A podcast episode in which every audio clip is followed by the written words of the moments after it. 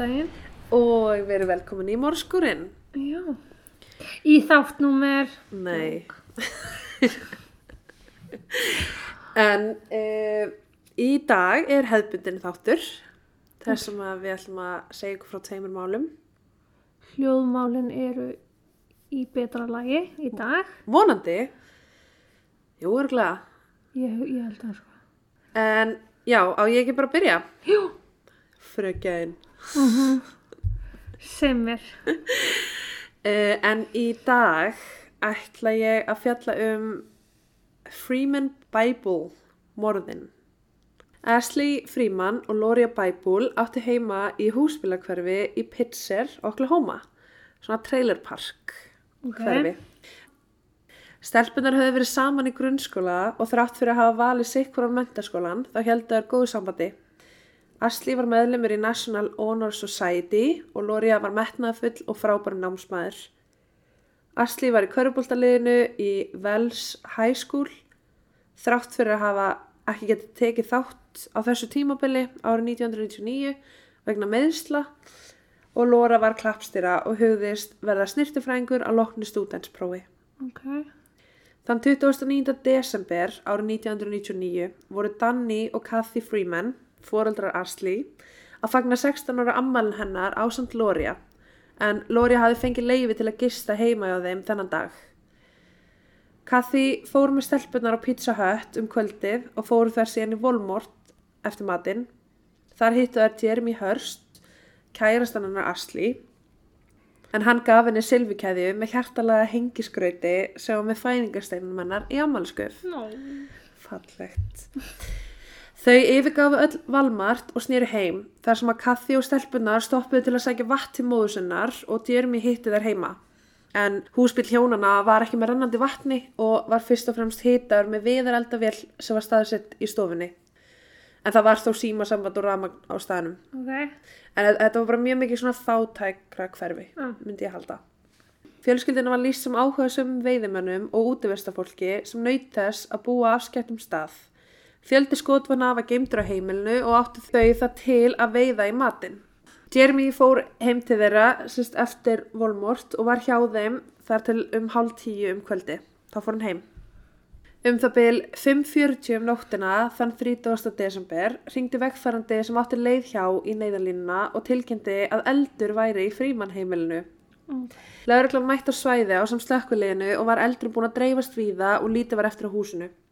Inni á heimilinu uppgötust líkamsleifar af einni mannesku liggja á gólfinu í söfnherbygginu en í ljós kom að það var í kaffi og að hún hefði verið skotin í andliti.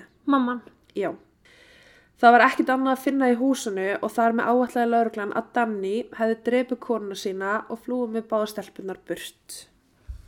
Var einhver vandræði á milli þeirra sem við vita af eða? Uh, nei, svo sem ekki. En hins vegar þá var það svo að eldri brónar Ashley, Shane, hann átti við hegðuna vandamáli stríða. Fjölskyldan hafði verið skipað að taka þátt í ráðgjöf, svona council, Já. varandi són þeirra eftir að Shane hafi stólið pallbíl frænda þeirra árun áður. Slík ráðgjöf gerði samt sem áður lítið og snýr hann aftur til fyrir hegðunar. Danny, pappin, var ákærður fyrir að hafa beitt són sinn ofbeldi seint í ágúst sama árið eftir að skólaráðgjafi tilkynnti yfirvöldum að rassinn á Shane var allir blóður og marinn. Æj. Danni held í fram að það væri verið að gera ómikið úr málinu en saksóknari taldi svo að hann væri að beita nóbildi. Shane sagði fyrir dómi að hann var ekki lengur hrættu við föðu sinn og nokkri ættingar sögðu við yfirheyslu að vandamál hans Shane stafa af því að hann þarf alltaf að þóknast pappa sinum. Nokkrir aðstandendur fjölskyldunar sögðu að Danni væri mjög ofbelsfullu maður. Hann var meðal annars ákjærður fyrir að berja tengdaföðu sinn eftir að hann hafi klift runna án hans samþykis á heimilin hans árið 1985. Fóreldrar Kathy sögðu fréttamönnum að skapið hans Danni bytna oft á henni og börnunum þeirra. Einni ræktaði hann Marihuana til eigin nota í húsbíl fjölskyldunar. Ég er svo tæp að þetta máli strax farið í töðunar á mér. Stundu var Danni atvinnulegs vegna vinnutjóns og fjölskyldan treysti á tekjur kaffjar þar sem hún starfaði hjá læknafyrirtæki. Árið 1999 í janúar, sama ár og morðin átt sér stað, hafði Shane brotist inn til Loria, vinkonu Já. hennar Asli. Fjölskyldan hennar læði fram kæru til yfirvalda þar sem að framkom að Shane hefði tekið hluti af eignum hennar og pening en hann stal einnig nokkru skotvopnum sem fjölskyldan átti. Uh, en semst, þremur mánuðum eftir morðin hafði Danni sagt bróður sinum, Dwayne, að ef eitthvað kemi fyrir hann þá væri það lauruglembættinu í kreiksíslu að kenna. Akkur. Ah, ok. Já, sérst að því að ágrinningur hófst milli deildarinnar og frímanns fjölskyldunar þegar Shane Fríman, 17 ára sonu þeirra, var skotin til bana af lauruglunni þann 8. janúar eftir að hafa stóli vörubíl og byssu hjá nágrunna sínum sama árið. Ah, ok.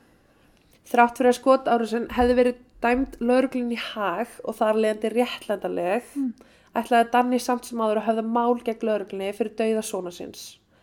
Réttarhöldi yfir Danni vegna ákæru misnótkun og börnum hófust í mars 1999, tveimu mánuðum eftir andlat Shane. Og kviðdómurinn var í tómu tjóni og spurði dómaran hvort þeir gætu skipa honum til að mæti ráðgjöf í staðan fyrir kæru og þar lendi var Danni síknaður af öllum ákærum. Bara fundið til móðanum þá eða? Já, náttúrulega það hefur verið að kæra hann fyrir ofbeldi gegn aðila sem er látin Já. og látin á völdu lauruglunar. Já, já, já. Aðstendindur greindi frá því að mikil spenna væri á milli Danni og lauruglæn bætsins. Einnig var mikil orðrómur sem gekk meðal bæjabúa um að lauruglan væri spilt og hefði all hluta málinu vegna þess að Danni var ekki veliðin maður í samfélaginu. Dvein sagði einnig að Danni hefði sagt sér frá því að hann væri handviss um að lauruglan væri að reyna að ógna honum og að hann ætti að draga tilbaka ákjöruna. Þar með byrjaði rannsókn á lauruglæmbættinu á svæðinu þar sem sumu einstaklingar og tengdu Shane stegu frá málinu og aðri rannsóknaræðilar komu að því. Þeir unnu vel saman og tóku legapróf og í lok rannsóknar komi ljós að þeir höfðu ekkert með eldin eða dauða kaffi að gera. Yfirvöld sögðu að ekki hefði verið ringt frá heimili fjölskyldunar um nóttina. Kathy hugðist ætla að skuttla Asli um morgunin þar sem að hún var að fara að taka bílprófið sitt en hún ætlaði einnig að koma við í dómshúsinu þar sem að fjölskyldan íhugaði að höfða engamál gegn lögurglembættinu vegna dauðar sein. Mm. Sérst tilviljun að þetta gerist bara daginn áður en að hún er að fara í dómshúsið. Já. Lóri átti einnig, einnig að mæta um morgunin hjá tannlagni og því þótt þetta vera mjög óvinnilegt. Bílinn hennar Lória var lagði fyrir utan húsið og voru liklanir ennþá í skráni eins og einhver hafi ætlað að fara á bílnum en hætt við og einnig voru allir bílar fjölskyldunar ennþá fyrir utan húsið. Þar sem lauruglan rannsakaði þetta sem mannrán og staðfestu að ekkit annað hefði fundist í húsinu þá var ekki girt glæpa vettfangin af. Mm. Sérst, hann var bara opinn öllum. Og daginn eftir líkfundin, 31. desember, fóru fóreldra Lória, þau Lorín og Jay á vettfangin og vonust til þess að finna einhverju vísbendingar um hver dóttir þeirra geti verið niðurkomin. Með að þau gengu í gegnum rústirnar að leita, þá sá Jay eitthvað í söfnherbygginu undir rusli og rústum sem síndist vera annað lík. Mm. Þau tilkynntu lögreglum frá líkfundnum og í ljós koma líkið var af Danny og líkt á konans var hann einnig með skotsár á höfði. Réttameinafræðingur sagði síðar frá því að hann var með broti hægra kjálkabein og þeir áverkar hafi líklegast komið áður en hann lést af skotsárunum. Og dánastjóri úrskurðaði að kaffi hefði látist um fimmleitið að mótni og rannsakandur talja eldurinn verið gerður á ásetning til að reyna eigða sönnugögnum á svæðinu. Megar sens. Já. Í kjölfar þessara uppgötunar var vettfangu glæpsins endurskoðaður en engin ummerki fundust um Asli nýja Lória. Spurningin var þá hvort stelpunar, stelpunum hefði verið rænt eða hvort þær hefði gert þetta sjálfar. Já.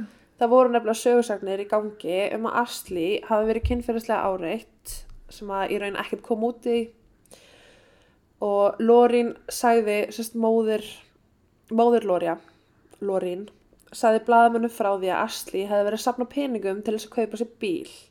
Hún taldi að Asli hefði safnað samtals 1200 dólarum en Jeremy stegi inni og sagði að hún hefði safnað í kringum 3-4 dólarum. Asli var í hlutastarfi með skóla og vann í sjopp í nágrunnu og þar lendi fekk hún þennan pening.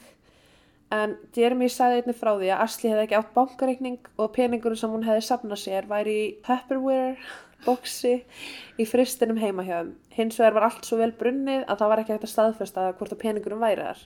Ef hún átti 34 dollara, Það er Getur verið að- já, getur verið að þær hafi tekið peningin og láta sig hverfa. Mm En sko máli er að Lorin sagði einnig frá því að Asli og Danny þau hefðu verið að rífast fyrir mánuðinum varandi bifriðana en Asli vildi kaupa sér annan bíl heldur en Danny og hefði óskað sér.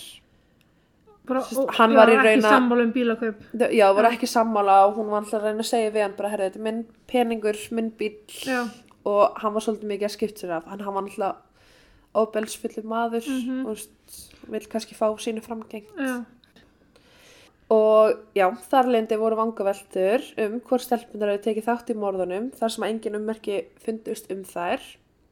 hún Og- ekkert út fyrir að það er að fara í hættu eða neitt svo leiðis. Nei, Nei. í raunin það bara vissi engin hver þar voru og það vissi engin hvað varð af peningunum hennar Asli.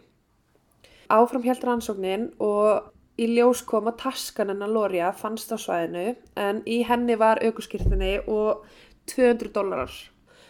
Og það er skildu eftir bílinn hennar og veskið en 200 dólarar, hvað ætlar að gera við það? Ekki mikið. Þú veist, ég skil alveg úr kannski með 4000 dólara. Já, Þannig að þetta var svona, en á þeim tímapunkti þá var lauruglan bara, ok, þær voru teknar. já. Það er skildi eftir veskið, og sem Leita hefði- út fyrir að, já. já. Nokkrum árum eftir morðin, nokkrum árum, sko, játuðu tveir dæmdir morðingjar, þeir Tommy Lynn Sells og Jeremy Brian Jones að hafa myrtu. Jeremy held í fram að hann hafi myrt fóreldrarna sem greiða fyrir vinsinn vegna eitilífaskuldar, tók stelpuna til Kansas þar sem hann skautar og hendi þeim ofan í yfirgefna námu. En leiti námunni bara engan árangur og í kjölfarið viðkynnt hann að hafa búið söguna til til þess að fá betri mat og viðbútar símatíma í fangelsinu. Já. En önnur kenning sem kom upp var svo að Danny hefði verið að selja eitilif að sögn uppljóstrara sem hefði fundað með tveimur ónafgreindum mönnum, einhverju svona Já, einhver kongum, fíknefna kongum Já, í undirheimunum. E, tveimur viku fyrir morðin og komst að því að Danny væri tengdur fíknefnum. En svo kenning passaði þó ekki vel við hvarfstúlnana því það verðist ólíklegt að morðingin ræni stelpunum í staðis að drepa þær bara á staðnum. Mm. Og einnig var að tala ólíklegt að morðingin myndi drepa aðalann sem að skulda þeim peninga. Og hefðu þeir þessum að drepið fjölskyldumöðlum í staðin til að fá skuldina sína eða greita. Það hefur allan daginn ef að frekar... skuldin hafi verið þannig allavega, þú veist. Já, þú veist að þá væri ógnin svo að þeir myndu drepa konuna eða börnin en þeir myndu aldrei drepa hann sem að skuldar. Nei, til að reyna að fá sínu framgeng bara. Já. Aðrir töldu hins vegar að Asli hafi myrt fóreldri sína vegna rifrilda á milli hennar og Danny en yfirvöld töldu að stelpunar hefði ekki getað falið sér svona lengi á þess að eitthvað kæmi á yfirborðið sem að tengdist þeim. Fjölskylda Lória trúur ekki að stelpuna séu færar um að myrða fóreldrana Asli og engin ummerki að fundist sem að tengja stelpunum. En móðir hennar held áfram að leita næstu árin og setti sjálfa sig oft í órega stöðu en hún ætlaði sér ekkert nema bara að finna dótsuna. Og til dæmis eins og árið 2000, sérst árið setna, Já, þá kerði hún pallbíl fullan af fólki sem hafði tengingu við eitulífi gengi uh, á svæðinu til þess að hitta mann að nafni Kingpin. En til, uh, hann er sérst í svona fíknefnum og er í undirheimunum. nafni gefur það svolítið til kynna. Já, hún kerði sérst bara með eitthvað fólkarna til að mæta honum Mm. til að fá út úr honum svör hvort að hann vissi eitthvað um þetta, hvort það tengdist eiturlifum. Grjót hörð mamma. Já, og hann sagði meðal annars við hana hvernig vistu að ég mun ekki drepa þig og hún sagði tilbaka hvernig vistu að ég drepa þig ekki undan. Vó, Já, uh, og en hún yfirheyrði mannin þar sem hún var vissum að hvarfi á dótturinnar hefði tengst eiturlifum út af Danny já, en hún er grjóthörð og myndi ekki snúa baki eina sekundu við að leita dótsinni og það var mörgunni dæmi sem hún hefur bara sett sjálfa sig í bara fárulega stöðu af því hún er bara, mér er skýtsama, ég ætla bara að finna barnið mitt. Já, nákvæmlega.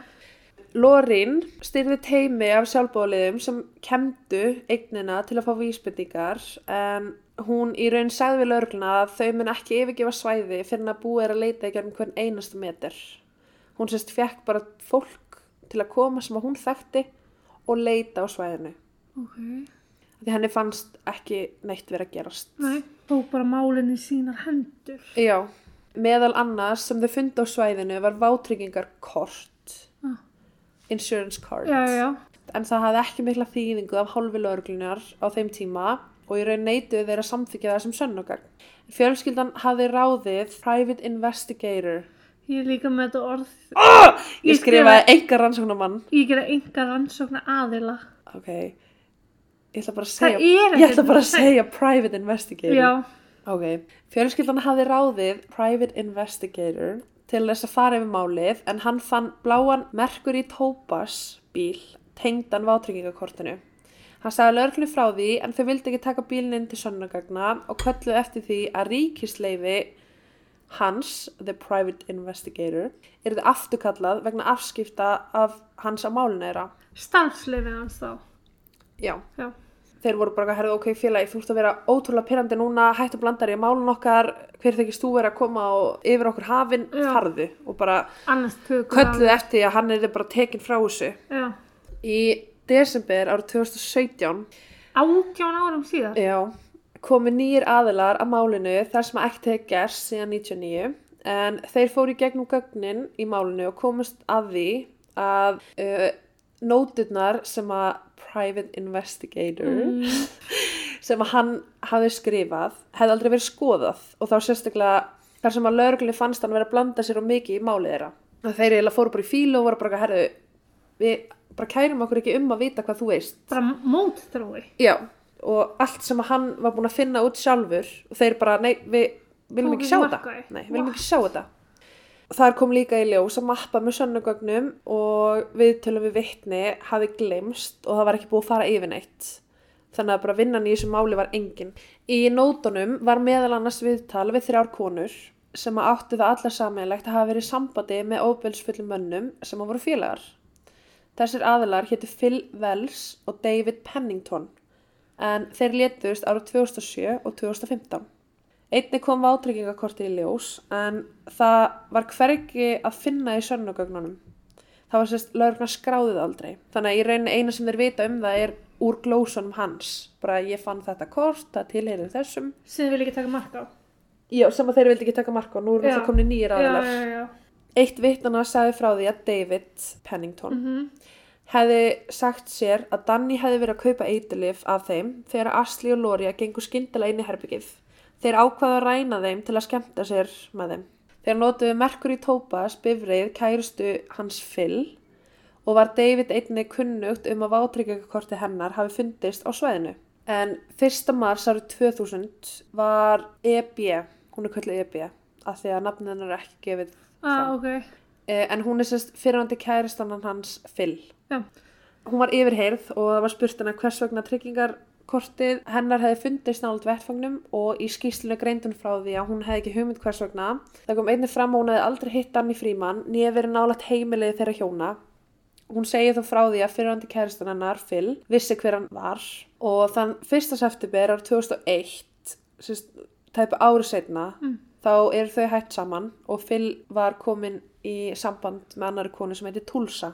Mm. En þá var Tulsa World kærasta Phil á þeim tíma tekinu viðtal og hún greindi frá því að frá með mars eða april árið 2000 hefði hún og Phil flutt inn saman í trailerpark í Pitzer, sérst bara nokkrum mílum frá húsinu þeirra. Hún sagði að Phil væri framlega methamfetamin og hún notaði oft með honum. Á meðan þau byggu saman hefði hún heyrt Phil ræða við tvo vinsina, David Pennington og Ron Busick, um morðin á hjónunum vegna fíknefnaskvilda og hvernig þeir höfðu tekið stúlkunar sem var sakna með sér og drepið þær lokum. Þar höfðu David og Ron gefið til kynna að þeir höfðu kveikt eldin. Ok. Púlsa sagði einnig frá því að Phil hefði hengt upp missing poster með stelpunum upp á vegg í húsinu sinu. Eins og eitthvað svona trófi, já. En báðar konuna vittnuðu fyrir það að Phil hefði beitt að líkamlega og andlega ofbeldi og þegar Phil var handtekinn stutt eftir morðin fyrir fíknefna ákæru Já. ákvað hún að flýja frá honum og settist að hjá vinkonu sinni. En kvöldi sem hún ákvað að flýja frá honum fann hún skjálatöskuður sem var í eigu Phil. Í henni voru nokkra polaroid myndir af tveim stelpum. Þær voru ímislikjandi í rúminu hans sem hún kannast við Mm. og bundnar við stóla en á öllu myndanum voru þær bundnar höndum og fótum með teip fyrir muninum. Hún bar myndina saman við pósterinn sem var á vegnum og var vissum þetta væri sömstelpunar. En hún var hins vegar mjög hrætt, setti skjálatöskuna í eina bílnum sem það áttu og fór til vinkonu sinnar. Þegar Phil losnaði úr fangilsinu komst hann fljótt að því hvar hann var að finna og hótaði að drepa þær báðar og hendaði þeim í sömu gröf og hann hendi Asli og Lória. Þetta mál var að fara allt annað en ég hætti að vera bara sko. Já. Og svo komum við að fyrirhandi kæristannars David. Mm. Hún er líka ónafgreind. En hún sagði að hún hefði þurft að flýja David vegna þess að hann talaði um stelpunar sem voru týndar alla daga og sagði að ef hún myndi voru sér að yfirgefa hann þá myndi hann drepa hana líka. David hefði sagt henni frá því að þetta hefði verið drug deal gone bad og planið hefði aldrei verið að drepa neitt en að stelpunar hefði lappað inn og þeir hefði panikað. Þar leðandi hafi verið ákveð að taka stelpunar sér til gamans. Lappaðin þegar þeir voru kveika í. Nei, lappað inn þegar þeir voru að tala við Danny. Sérst, inn í svefnherbygginu Já, þegar þeir já, voru... já, já. Eftir að hafa leitað af Tulsa, sérst, eftir þessar upplýsingar, Mm. þá fer lögreglan bara flug, nýjir rannsóknaraðilar og þeir bara herðu, ok, við erum með upplýsingarnir í höndunum, akkur ekki búið að gera neitt. Mm Tveir þeir eru látnir, þannig að þeir þurfa náttúrulega að fara aðra leiðir. Þannig að þeir fara að leita af Tulsa. Eftir að hafa leitað af Tulsa í yfir tvö ár, komist lögreglumenn loksist að því hvar hún væri niðurkomin, en hún var í felum. Alltaf bara frá fyl. Já. Hún var tekinni yfir heyslu og sagði frá því að stelpunnar á myndinni höfðu verið bundnar upp í rúm og ofan á teppi sem hún þekkti og vissi að tilherði fyll. Hún sagði að teppið væri antík sem amman segði gefa honum og þegar rannsökundur fréttu að því að myndirna væri hortnar fóru þeir að leita af þeim en í ljós kom að mjög líklega hafi bílinn verið seldur í partasölu þar sem að Phil var vanur að eiga ónunda bíla og seljið á svoleiðis til að fá einhverju peninga úr þeim. Einni hafði Ron sagt vitnum frá því að stúlkunum hafi verið haldið á lífi dögum saman, mögulega tvær vikur, þar sem að þeim var nöðgað, þær voru pyntar og lokum kyrtar til bana. Hann sagði að Phil hefði skoti Kathy og Danny og að hann og David höfðu kveikt í eftir að Phil hefði tekið stelpunar heim til sín. Vegna hótana kom ekkert að vittanum fram og ekkert hafi gerst í málinu þar sem að í raun þessar nótur höfðu gleymst til lauruglunni og voru ekki taldar mikilvægar á þeim tíma. Ron var handtekinn ára 2018 fyrir fjögumandráp en hann hjælti fram að hann hafi þjáðst af minnisleysi og myndi ekki hvaði gerst um nóttina. Hann sagði einnig frá því að hann væri með lága grindivísatölu og hlauti heilaskaða af völdum vímuefnaneyslu og atviks árið 1978 þegar hann var skotin í höfuði. Já. Taugasærfrængur sem að skoða hann sagði að það væri ólíklegt að hann væri með svo mikinn heilaskaða að hann gæti ekki munið þetta og hann reyndist vera hæfur til þess að fara fyrir rétt og var ekki talin ósakhæfur. Er það metið út af grindavísistölunni eða bara því að andlega heilsan hans var þannig að hann gæti alveg farið gegnum? Það örugglega bara verið metið þannig að fíknefna heilaskaðin sem hann talar um er bara ekki nægur til að þú getur bara ekki munið hvað Tekið gerist um kvöldi. Já, þetta ekki ábyrða gjörðuðinum. Já, Já. og ég held að ósakhæfi fari meira yfir á sérst, andlega heilsu. Já, Fólks. Í júli árið 2020, þess ári, Sæll. þá játa hann sök. En hann fekk sérst valum plídíl og fimm ár ef hann myndi segja frá því hvað stelpunum væri niðurkomnar. Af hverju eru þeir svona gladur á plea deals í bandaríkjunum? Þeir vilja náttúrulega bara vita hvað stelpunar eru. Þeir gaf honum val um að hann fengi fimm ár ef hann myndi segja frá því hvað stelpunar væri niðurkomnar Ok. eða láta kviðdóm taka þetta í sínar hendur. Og þá veit það eru ekkert... Já, þá veit það ekkert hvað það getur verið. Hann saði lögreglunni frá því að lík Asli og Lória hefði verið komið fyrir í rótar kjallara íbúð í Pitzer undir steipu. Hins vegar leiti ekkert slíkt í ljós. Þannig að hann tók bara- plítil en það var ekkert úr því. Hann var dæmdur í 10 ára fangilsi og 5 ára skilurspundi fangilsi. Og yfirvöld vonast enn eftir í dag að finna út hvað stelpunar eru og hafa myndirnar, Polaroid myndirnar og vátryggingakortið ekki enn fundist. Sem að rannsóknar The Private Investigator. Já, Já. Þannig líkin er ekki fundin. nei, Það leikja enga sannanum fyrir því að séu dánar annað en frásögn bara frásögn þeirra, sko. Já, og hann líka, hann fikk 10 ár. Já, laus eftir sjö. 5, Já. þú veist, mögulega. En mér finnst náttúrulega bara, mér finnst 10 ár að vera svo lítið fyrir þetta, en þar lendi þeir eru ekki með, eru ekki með það sem að hinir haldbær tveir aðnar eru látnir, þeir eru ekki með DNA á svæðinu, þeir eru ekki með neitt. Í rauninni er þetta bara vitnisspurður þeirra og hvernana sem þeir voru með. Og þeir, hann alltaf hefði geta borið fyrir sér bara, herðu, þessar konur, ég var aldrei með. Mm Hann Þær játar. eru bitrar út í kæristana sína sem að beitt hana ofbildi í sjálfsög. Hvað hva kem ég inn í málið? Ég var bara vinna þeirra. En hann bara tekur þetta á sig. Hann bara tekur þetta á sig, bókstælega. Þetta er alveg magnað hvað hlutir getur fara úrskeiðis Já, í réttakjörunni á nóti, sko. Og rannsókninni. Ég, á ég að taka við? já, Ég ætla að bjóða með mig til Ástralíu í dag. Erum í North Epping í New South Wales. Og ég ætla að segja frá fullt af fólki, þannig að fylgstu með. ok. Ég ætla að byrja að segja frá hjónunum Minn, Lynn og Lily Lynn, 45 ára og 43 ára. Og börnunum þeirra Brenda, 15 ára, Henry, 12 ára og Terry, 9 ára. Hjónakotnin kynntist á sínum tíma í Sydney eftir að þau hefðu bæði klára námsitt í Kína þar sem þau uppbrunnulega voru frá. Þau hefðu átt bæði fyrir eitthvað dabra æsku í Kína, fjölskyldu þeirra hefðu átt lítið á milli handana og þeim skorti mikið þannig að samela markmið þeirra begja var að búa sér til gott líf og örugan fjárhæg. Þau vildi geta gefa börnunum sínum besta mögulega líf og þó að vissulega sé ekkert saman sem merkja milli hamingi og peninga þó vildi þau að minnst áhusti geta gefa börnunum sínum góða mentun. Fyrsta skrifið þeirra í átta fjárhagsöryggi var að opna svo kallan dagblaðstand. Vissu hvað er að tala um? Já, Þetta er svona sjoppa eða svona kiosk. já, þetta er bara svona lítið timbur og svo er þú veist bara blöðan á hlýðinni. Já, nema þetta var bara miklu stærra en það, skiljur. Já, ok. Uh, þau opnuðu búina í Epping, þar sem við byggum. Þar selduðu bæði dagblöð og allskynnsvarning, tóbak, nammi, sjoppa. Já, já, já. Uh, Dagblaðstandurinn gekk vægast sagt vel og voru þau hjónin að rakin tæpri miljón ástralska dólar á ári eða um 93 miljónir íslenskar króna á núvorandi gengi. Selja dagblöð. það viljum við vilja sem business. Ekki djóka, já. Það gekk ekki bara vel fjárhagslega því í gegnum reksturinn kynntust þau allskins fólki og eignuðust marga góða veini. En það mikið af fólki sem verslaði við þau, fastagestur og annað og sáu þau hjónin hvað mest um reksturinn og eru þekkt innan bæjarna sem þau byggu í. Bara eins og þú veist, Jón á hotninu eða eitthvað. Já. skilurðu. Þau voru vinaleg og dugleg og fólk sóttist í þau. Fólki fannst fjölskyldugildi þeirra aðdánaverð en fjölskylda þeirra hjóna skiptiði mestu máli og voru þau bæði tvö ofbúsla stolt af bönnunum sínum. Vegna velgengni þeirra tókst þeim að kaupa sér fallegt einbilshús á tveimur hæðum í útkværi Eppings. Í einbilshúsinu bjó fjölskylduna saman á sann sýstur Liljar sem hétt Irene. Á sann því að geta veikt fjölskyldunum sinni þakki yfir höfuðið þá gáttu þau líka keipt hús fyrir fóldra minn. En þau hefðu eins og minn og Lilly flutt til Ástralíu frá Kína í leita betur lífi og eins og maður getur ímyndað sér voru það afar ánægð að geta tryggt þeim og veitt þeim þakki yfir höfuðið líka. Fóreldrar minns byggu í um 30 mínuna akstursfjallæð frá þeim og þau voru öll mjög náinn og í göngufjallæð frá minn og Lilly þá bjó sýstir minns með manninu sínum. Þau heita Kathy og Robert. Ok. Robert hafi starfað í Kína sem hálsnef og eyrnalæknir, einhvern sem þú þarf að heimsækja og hafði þau flutt til Ástralíu í vonum betra líf og velgengni þar.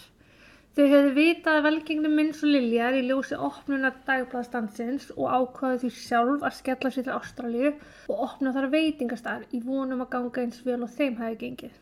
Ekki gekk það alveg eftir óskum og fljótlega var veitingastar Kathy og Roberts farin á hausinn. Þau fluttu þá nær minn og Lilly og unni í dagbladstandinum hjá þeim.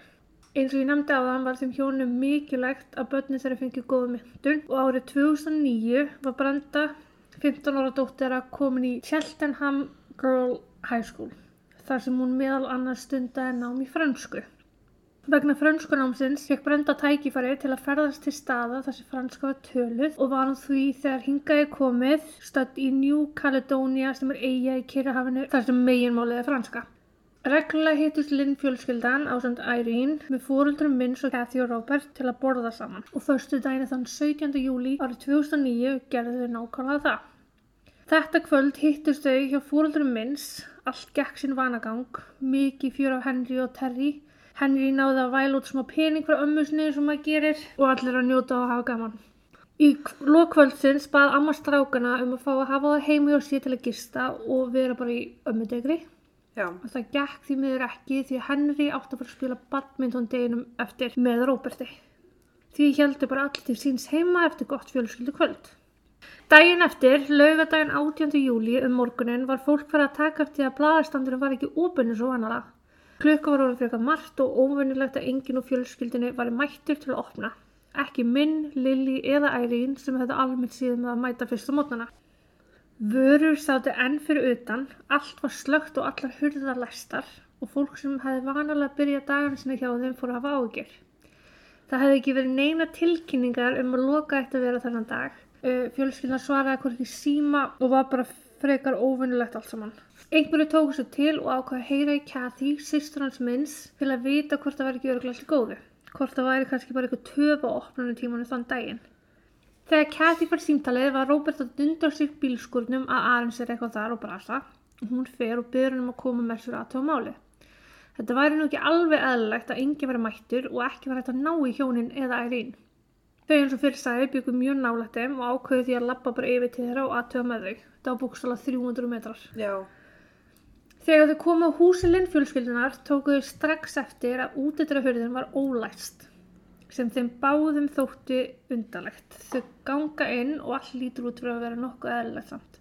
Skór bróðum allt eins og vill gera svo stórum heimulum, liklar á sínum stað, skólatösku strákan í kula á gólunu eftir að þau komið heim deginum áður og allt bara frekar eðlilegt. Þau fara að kalla til fjölskyldunar og fá engin svör. Svo þau ganga upp á efrahæð húsins þar sem að tóka mótið um allt annað en eðlileg sjón. Það var blóð út um allt. Skiljanlega hlaupa þau um hæðina og aðtöku staða mála er. Inn í hjónaherbygginu finna þau Lilli, undir sengum upp í rúmi. Hún var all blóðug, ásand veggjum, gólfum og rúmi og var því meður látin. Sömu sögu var að segja af aðkomin í herbyggi Ærín sýstur minns. Inn í herbyggi drengina tveggja, Henry og Terry var aðkomin engur skári og voru þeir einnig látnir. Kathy ringi strax í neyðurlinuna úti og ég þarf vel að spila fyrir hljóðbrot. Ok. Would you come take you? We are coming. You need to stop screaming and tell me what the problem is. Yeah, I think so. My she said that someone killed my brother Sunday. Why do you think that? Yeah, because I went to his, his house and I knocked the door and the door is um, just closed and I opened it. And then up the stairs, find my brother, I couldn't find him. Have you found? Have we are driving there? Answer my questions, please. Have you found a body? And after I just go to check and uh, I found it. It's. We are driving there. Don't say quick. Tell me what's wrong. Have you seen your brother? I, I'm not sure because uh, the baby, I just, I We're already driving there. You don't need to worry. We're on the way. But can you see your brother? I'm not sure. No, it's yes or no. Can you see No, him? I, I, no. Is he in the house? I'm not sure. No, it's yes or no. Have you seen him in No, the I, I house? just, Hvað er nú svo fucking dónalegur Já. við hana? Hún er sérst þannig bara að tala við neðalínuna sem gerir bara ógæðslega lítið úr henni. Segir henni að hætta öskra og af hvernig haldi einhver hafi drepið fjölskyldin hennar. Sko, ég skildi ekki orðið sem að konan sagði. Nei, ég hlusta á þetta svolítið oft og þá get ég búta saman. En hún var líka að tala kínversku við mannin sinn, Já, ok. inn á milli. Já. Hún sagt er að segja við mannin sinn uh, að fara ekki frá sér. Hún sé döðrætt og vilja alls ekki fyrir einu eftir þarna. En hann segist að vera að drífa sig yfir til fóreldra Katjar og minns og segja um tíðindin og sækja þau. Þau bygguðu henni í 30 mínuna fjarlægð. Ok. Fljótlega eftir símtalið mætti fyrstu viðbrags aðilar á svæðið sem sagðist aldrei í sögu New Wales hafa muna eftir eins hræðilegri aðkoma á vettvangi. En þau höfðu öll fjögur verið beitt einhvers konar ómannúðlegum barsmíðum. Eins og kom fram í neðalínu símtalinu tókst Kathy ekki að finna bróður sinn sem hún var inn í húsinu og við nánari leit komi ljós að fjölskyldufjörun minn var hvergi að finna. Kathy dættur allt í hennu hug að segja að leita betur undir einhverju hrúi á sængum sem hún hefði tekið eftir inn í herbyggi, hjónaherbygginu og að lokum finna er hann þar dáin. Hvernig henni dætt í huga Já. Öll voru þau það illa farin að staðfyrsta þurfta réttalækni hver væri hver og kom þá í ljós að þau öll verið lamin með einhverjum hluti sem að líkti eftir áhrifum Hamars, eins og Hamarshögg, Já. um ekki Hamar líklegast. Vopni var minnst kosti ánalsvafa þingra í annað endan. Eins og að tala um að vopni hafi verið vafið einhvers konar kaðli eh, eða einhverjum taupút sem að átt að veita betra grepp. Gæti ekki fundinni sem að beint stutti það. Nei. Skil. Þetta var alls það að tekið fram, hann að þessu verið að nefna. Við krupningu kom einnig í ljós að öll höfðu látist vegna blunt force trauma eða í þessu tilviki vegna alvarlega höfuðhögga. Og fjögur af þeim fimm hefur verið kyrt líka. Ok, af hverju ekki fymta? Bara góð spurning. Ok. Það þótti einnig ljóst að fullundu fólki það líklegast ekki orðið vart við að neitt var í gangi en að drenginni tveir hefur sínt merkjum að streyst og barist á móti árásumannum sinum. Littlir 12 og 9 ára gamla guttar sko. Og við rannsókn málsins var gengið út frá því að morðin hefði gerst einhver tíman á milli 2 og 5 nóttin eftir að þau komið heim á matubóðinu. Þau hefði mannstöðan að borða saman. Já. Talið var að Minn og Lilly hefði verið myrt fyrst, svo Ærín og lokum strákanir sem að þá hefðu líklega verið vaknaðir við lætin sem gengu á. Ramagn hefði verið tekið á húsinu á ramagstöflu fyrir aftan húsið og það vaknaði grunir um að árásumæðinu þekkti annarkvort til þeirra eða til húsins. Viðkomandi hefði verið beint í verkið, ekkert hefði verið tekið og herbyggi brendu var óhrif sem benti til þess að árásumæðin hefði jafnvel vita að hún var ekki heima. En það er engin leið að sanna það neitt. Nei. Eh, Eins voru engin ummerkjum innbrott og talið var að annarkvort hefði fjölskyldan ekki læst að sér eða viðkomandi hafi haft líkil til umræða. Einnig var talað um morðin sem passion crime. Morðin voru jú framin í mikilli heift og ábyrjandi reyði. Í gegnum allt húsið fundust samtals 24 blóðug skópur eftir árásumannin sem getur spilað og átt eftir að spila líkil þátt í að leysa málið í ljósið þess að engin fingrafur fundust. Og þess að talið bara að hann hafi verið í hönskum mér satt pínufundið vegna starðar skófarana sem voru talið mér á bylunu starf 41 til 43 og strax gengi út frá því að aðra var kallkins Ég Ég nota 40. Já, ég nota 40 Nokkulega, ég hóði skó í 41 sko Já, já. Sama. En ég minna fínt. Þá, þá verðum við aldrei ásakaðar um How to get away with murder Ándjóks. Og meðan rannsókninni stóð og yfirferð vettangar var í gangi hafði Róbert mætt þangað með fóldrar minns með sér en hann fór mannstöð að sækja þau og meðan Kathy var að tala við neðalínuna. Þau urðu fyrir svo óbúslega miklu áfalli að þau voru tekin á, eða þau voru færið á náliggjandi spítala til að fá meðferð við taugar áfalli bæði tvö. Og meðan þessu öllu stóð var Brenda að njóta sín í skólaferðin sinni. Oh. Krakkarnir í ferðinni hefðu fengið tækifæri til að kíkja hans á Facebook og bara á interneti aðeins þarna um morgunin þar sem að byði brendu fjölda skilabóð hvort var í lagi með hana. Hún vitandi ekki neitt, spurði bara hvað þau ættu alveg við og komst því að því gegnum Facebook skilabóð að mamminar, pappi, bræður og frænka voru allir látin. Úi. Í fyrstu trúður engu sem fólki var að segja. Það gæti bara ekki verið að eitthvað svona hræðilegt hafi komið fyrir fjölskyldana hennar.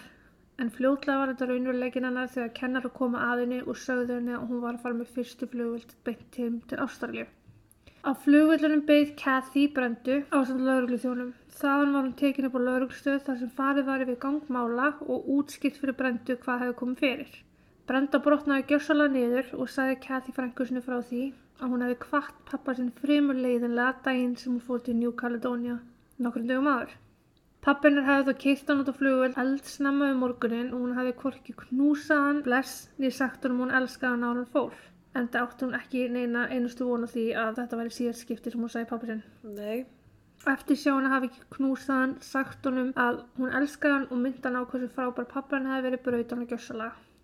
Lífi hjælt svo áfram eftir þetta allt saman. Fjölskyldna var jörðuð þann 8. ágúst árið 2009 og reynd var að koma í bottsmálsins hver hefði tekið sér til og gert fjölskyldunum þetta. Brenda var bara 15 ára og ekki sjálfraða þannig hún fór í umsjá Kathy og Roberts og erfði þau líka fyrirtæki minns og Liljar, dagbladstandin, á svona öllum eignum fjölskyldunar. Þess að húsi þeirra, hús fóröldra minns líka. Voru þau skild? Kathy og minn voru bræður. Nei, sískinni. Ok. En það voru þau sem að flutt til Ástralíu og reyndu veitingarstæðin. Og fóru, þessu, Ah, ok. og fóru þá að vinna hjá. Þannig að þeim vantaði pening. Já. I'm judging you. Uh. Kathy og Robert reyndu svo þau gáti að veita brendu stuðning og huggun á erfiðustu tímum lífsennar. Búin var til styrtareikningur fyrir hana til að styðja hana í gegnum lífið og skólagöngu. Einhvern veginn hefði búið samt við því hún hefði erft Allt. Af hverju ekki hún frekar en systirinn? nákvæmlega. Kannski að því hún var 15 og ekki hún sjálfur að Já, fær kannski peningin. Rannsóknin gekk en gekk hægt og lauruglan hjælt spilu sínu þétt að sér og þeir vildu lítið gefa út um málið. Í kjölfarið fóru allskinn sögur á loft. Kínverska mafjan hafði átt hluta málið þarna, fjölskyldan hafði verið stór skuldug, minn hafði myrt fjölskyldunum sína og svo fyrirfara sér og bara alls konar kjaftasögur fór í gang. Á einu tímapunkti var talið að hópur hraðbankaræningja hefði myrt fjölskylduna en tveimur mánuðin fyrir morðin hefði minn orðið vittni að slíkur á þau hinum yfir götuna frá vinnunum sinni. Það var afsanna fljótt og afskrifað. Í byrjun 2010 fór lauruglun að skoða enn frekar þetta með að morðingin hlita var einhver nálagt fjölskyldunni. Alveg í nánasta innstarring fjölskyldunar. Við vinslu sönnunagagna ákvaðu yfirvöld að beina grunn sínum að einu manni, að Róberti, Ó, manni Kathyar sýstur minns. Bæði höfðu þau verið yfirheyrð fjórum dögum eftir morðin. Kathy hefði bara verið mjög eðlileg við yfirheyslu, miðað við aðstæður. En þegar litið tilbaka hafði Róbert ekki hagað sér sem skildi. Hann gaf með yngum móti hórt í augun á neinum sem að rætti við hann. Hann horfði á gólfið mest allan tíman, íðaði mikið og svaraði spurningur lauruglu mjög illa. Fengi var túlkur til að reyna að auðvelda honum yfirhersluna og bara láta honum líða þægilega. En það gerði lítið gagn. Hann gæti ekki með nokkru móti svara neinu sem að lauruglu spurði án andraða. Aðspurður um herbyggi drengjana, Henry og Terry, var hann grátið nær sem að þótti svo sem að geta óeðlið í ljósið þess að hann var að missa þarna bara tengda fjölskyldunum sína nánast eins og hún laði sig. já. Hann sagðist að hafa komið heim eftir kvöldmatinn sem stór fjölskyldan átti saman kvöldi áður, skellt sér í bað og fljótlega að fara að sofa. Kathy staðfyrsti þetta og því beindist aldrei neitt grunur að honum eða henni. Í ljósi þess að brenda bjóðhjáðum átti lauruglun erfitt með að mynda sér almennilega skoðun á þessu. Af hverju ætti hann að taka, eða af hverju ætti þau að taka henni svona vel en myrða alla fjölskylduna. Ákveði var að setja myndavelar heima hjá Kathy og Robert og þau reglulega færði í yfirheyslu yfir sex mánuða tímabil. Það var einmitt í einni yfirheyslunni á þeim tíma þar sem var Robert skeit på bak. Hann sagðist að það séð fimm lík þegar hann gekk inn í húsið. Minn hafi leiði við hliði Liljar. Lauruglan pikkaði það strax upp, það gæti ekki verið. Minn var, var ekkert fundin strax og ekki nokkuð leið fyrir Robert að vita hvað hann hefði verið. Robert virðist hafa áttað sig á þessu mistökum og reyndi einhverjum dögum síðar að ringja og útskýra að hann meinti sko hann að þessi fjögur eða fimm lík. Hann sá ekkert fimm lík. Einu maður sem að lauruglun hefur undir grun að gera eitthvað svona að ringja getur ekki gert neitt annað en að íta enn frekar undir grun lauruglunar. Svo enn frekar var kafað í málið. Þeim þótti furðulegt að Kathy hefði bent lauruglu á að þau getur jafnvel fundið minn undir sængunum og vaknaði þá grunur um að Robert hefði jafnvel sagt Kathy að segja það af lauruglu. Kathy neitaði því staðfastlega og sagðist hreinlega hafa bara verið með eitthvað tilfinningu fyrir því að hann gæti fundist undir sængunum. Er Æ. pínu spes sko. Ég fekk bara hérna tilfinningu, getur, getur verið að séu þar? Nei. Kathy var eins og fyrir sagði reglulega yfirherslum eins og Robert og í einni þeirra var Kathy sagt frá því að skófurinn sem fundist á vettvangi væri af íþróttarskóm Asics Gel Evasion einhverjum búða fínum skóm Mm. og að þau skoðun eftirlitsmyndbandana frá heimilegra hafði sérstu Roberts verið að klippa skókassa utan af svoleið skóm í algjörar frumeindir Ó guð, og styrta þeim svo ofin í klósettið. ó guð. Síðar komi ljós að skotnir voru í starf 42,5 sem að stemdi við skófurinn á vettvangi morsins. Við tók fimm dagar leit í húsi Katjar og Roberts. Bara fimm dagar og þar sem allt var tekið í sundur og leitað út um allt Já. af einhverju. Uh, Manstu hvað ég sagði í byrjun að Robert hafi verið að gera þegar Kathy fekk símtalið um að það var eitthvað skrítið í gangi? Skuttleikurum á að sækja eitthvað. Nei, þegar að, ég er að tala um þegar að kunnarnir fóru að ringi í Kathy. Nei. Hann var jú að þrjá bílskólu sinn. Þegar kunnarnir voru að ringi kaffi áður en að, Já, áður en áður en að að þau fóru í heimilið þeirra. Mhm. Var hann að þrjá bílskóla Já. sinn? Já. Bílskólan var því gjössalega tekin í nefið og undir komuðu þar inni fann svo lítill, pínu lítill blettur. 2 sinni 6 cm. Skilur okkur ekki pínu lítill. En samt lítill með við stærð já. bílskórsins. Uh, sem að leit út fyrir að vera blóð og þá eins konar smitblettur. Sem Já. hann hefði verið á einhver Svo öðru. Já. Já. Af blettunum var tekið síni, það var sendt í rannsókn allarleiti bandaríkjana og síðar meir staðfest að umvaraða DNA úr fjórum af fimm fórnulömbum. What? 5. mæ 2011 var Robert svo handtekinn og ákjörður fyrir morðin á Minn, Lily, Irene, Terry og Henry. Þá var gefið út að frá því lok árs 2009 hafi hann verið svo eini grunaði verknæðin en tíma hafi tekið að fá allt sannað klappað og klárt. Sýst þau vildu bara gera aðeins latlu fyrir þau væri með eitthvað konkrétt. Nei, um mitt. Hann sótti um að fá að komast úr fangelsi nokkur mánuði síðan gegn tryggingu. Því var blessunarlega neitað. Húslinn fjölskyldunar var svo selt í februar 2012 og gefið var út að allur ágóður sjölunar myndi renna óskertur beint til brendu. Já, Mánuði síðar reynir Róbert aftur að segja lausn og fangelsi gegn tryggingu sem er enn og aftur neitað. Lauruglan gefið það út að líklegast hafa hann ekki ætlað að myrða drengina tvo eh, en í öllum látunum hafið vaknað, þekktan og þess vegna geta búið vitni um að hann hafi fram með verknæðin og því hafa hann tekið þá ákvörðun að myrða þá líka. Svo tekur algjört byllið. Hann fer í gegnum fjögur réttarhöld áður en hann er fundin segur um morðin og dæmdi til lífstafangilsins. Í fyrstu réttarhöldunum komu fram ný sannunugögn þannig þeim var slútað og frestað og önnur tóku við. Þar kom fram að líklega þetta að Róbert hafi kynferðislega misnóta brendu. Það voru ekki leifð sannunugögn sem var litið alvarlegum augum það hafði aldrei verið nefnt þangar til þarna. já, Einni var sagt frá samfanga Róbert sem hafi tekið samning eða svona bara deal þar sem hún var bóðið að lækka lengt hins eigin stóms með því að spjalla við Róbert og ná að upptöku einhverju sem geti felt hann. Róbert á að hafa viðkjönd við hann hafi keipt hamar og verið smeykur um hann hafi náðst á myndbandsupptöku og hafi því losað sig við hamarinn þegar hann sótti fóröldar Katjar hann um morgunin. Einni áttan hafa sagst hafa Livia Kathy kvöldi sem að fjölskyldum að það búið var og hún hafi sofið eins og steinn þegar hann fór út og fram til ódæðin. þannig að hún var ekki neitt. ekkert viðtönd málu samkvæmt þessu sko. Ok, En því miður fjöxt ekkert að þessu fyllilega sannað uh, og því voru ekki allar samræðunar á myndbandi. Plús það að það var búið að sannfæra sko kviðdóminn svo mikið um bara væntalega er hann að fara að segja hluti sem þið viljið heyra. Hann er að Já. fá stytting á dóminum sínum. já, Dómarinn í því máli eða þeim réttarhöldum vikti svo og réttarhöldunum var slútað aftur og frestað. Út af veikundum dómara. Já, Þá bara byrja upp á nýtt. mhm, Þriðju réttarhöldin taka þó við þar sem að kviðdóminni gati ekki með neinu móti tekið samróma ákvörðun um örlög Róbert. oh, Róbert var þó sleppt gegn tryggingu eftir að vera setið í fangelsi í fjögur ár og sjö mánuði án þess að vera í raun dæmdur fyrir neitt.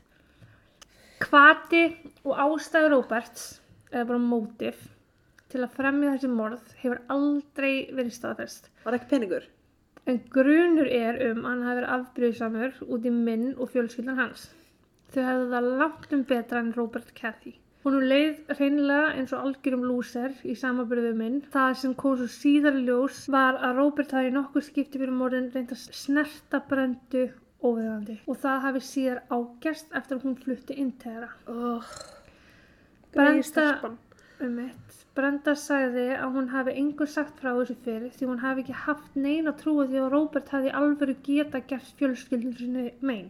Nei, En talið er að Róbert hafi hreinlega myrt alla fjölskylduna til að ná brendu til að geta átt hana inn að gesalappa. Hann hafi meðal annars hent tengdafólundur sínum út á götuna eftir morðin sem var talið vera gert til þess að brenda hefði ekkert um annað en að velja en að búa hjá honum. Þau fengu náttúrulega valdi yfir öllum eignunum þeirra og Já. fólundinu bjöggi eign þeirra. Í júni 2016 tóku svo við fjórðuðu og síðustu réttarhaldin.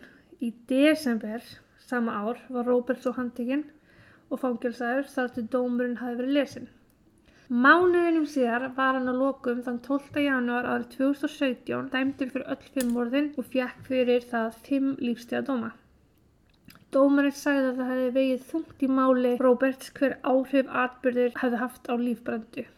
Eins að maður með hans læknisfræðilegu mentun hafi ekki aðtöða með neitt af fórnulömbunum sínum staðfesti enn frekar ásetningin og glemdina.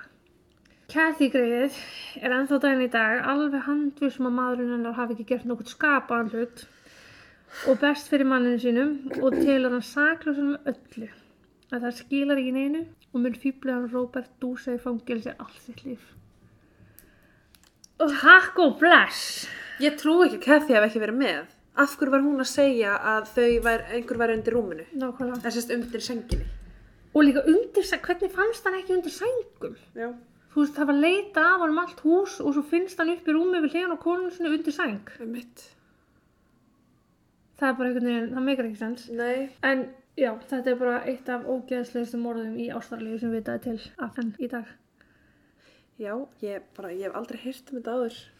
Nei. Byrja að fatta að þetta var Robert samt Hvenar? Uh, ég fatta, eða þú veist, á tímapunktinum þegar ég sagði, get, hann getur ekki hafa verið einn, Já, að þá hugsaði ég þetta er Kathy og Robert. já, Og það fyrsta sem ég hugsaði er peningar. já Af því að þeim vegna er svo vel með blaðastandin og ég var bara eitthvað, ok, ó, þetta er svo mikið. En ég held að Kathy hefði verið já viðráðin málsins og þau kannski rætt saman bara eitthvað, við viljum fá peningana þeirra. mm En í Uh, Ég er nefnilega, það kom mér pínu óvart þegar ég var að kynna með máli að það hefði verið Robert, sko. En ég hugsaði smástund, hugsaði ég Brenda. Aha, Já, því þú sagðir, hún, Brenda var þarna þá í Fraklandi og ég Já. hugsaði bara eitthvað, hmm, að ég var eitthvað fokkið þá. já, ég var bara eitthvað, kannski flugum bara heim, draf þau og flug aftur eða eitthvað. 15 ára. Já, ég fatt að það ekki alveg strax, skilja, en við höfum alveg séð að verra, sko. Það er rétt, það er rétt. Þannig var það. Já, Meira hef ég ekki að segja. nei, ekki, ég heldur, ég er bara, ég á ekki eftir að geta sofið eftir þessari fjölskyldumóru sem við tókum fyrir í dag. Nei. Og líka tilviljun að við tókum báða fyrir fjölskyldur. Mm Það er frekar steikt. Mjög, en já, Næsti þáttur verður svo, á lögadaginn já, í lengri katturum. maður fjallum eitt heilstætt mál sem ég veit ekki hvað er. Ég er mjög spennt að segja frá. Uh, en já, ég held að við séum búin að auglýsa Instagrami svo mikið að við eitthvað skipur að sleppa í dag. Við Facebook. tökum það fyrir næsta þetti. Umræðhópur, Insta. En já, bara þanga til næst. Takk og bless.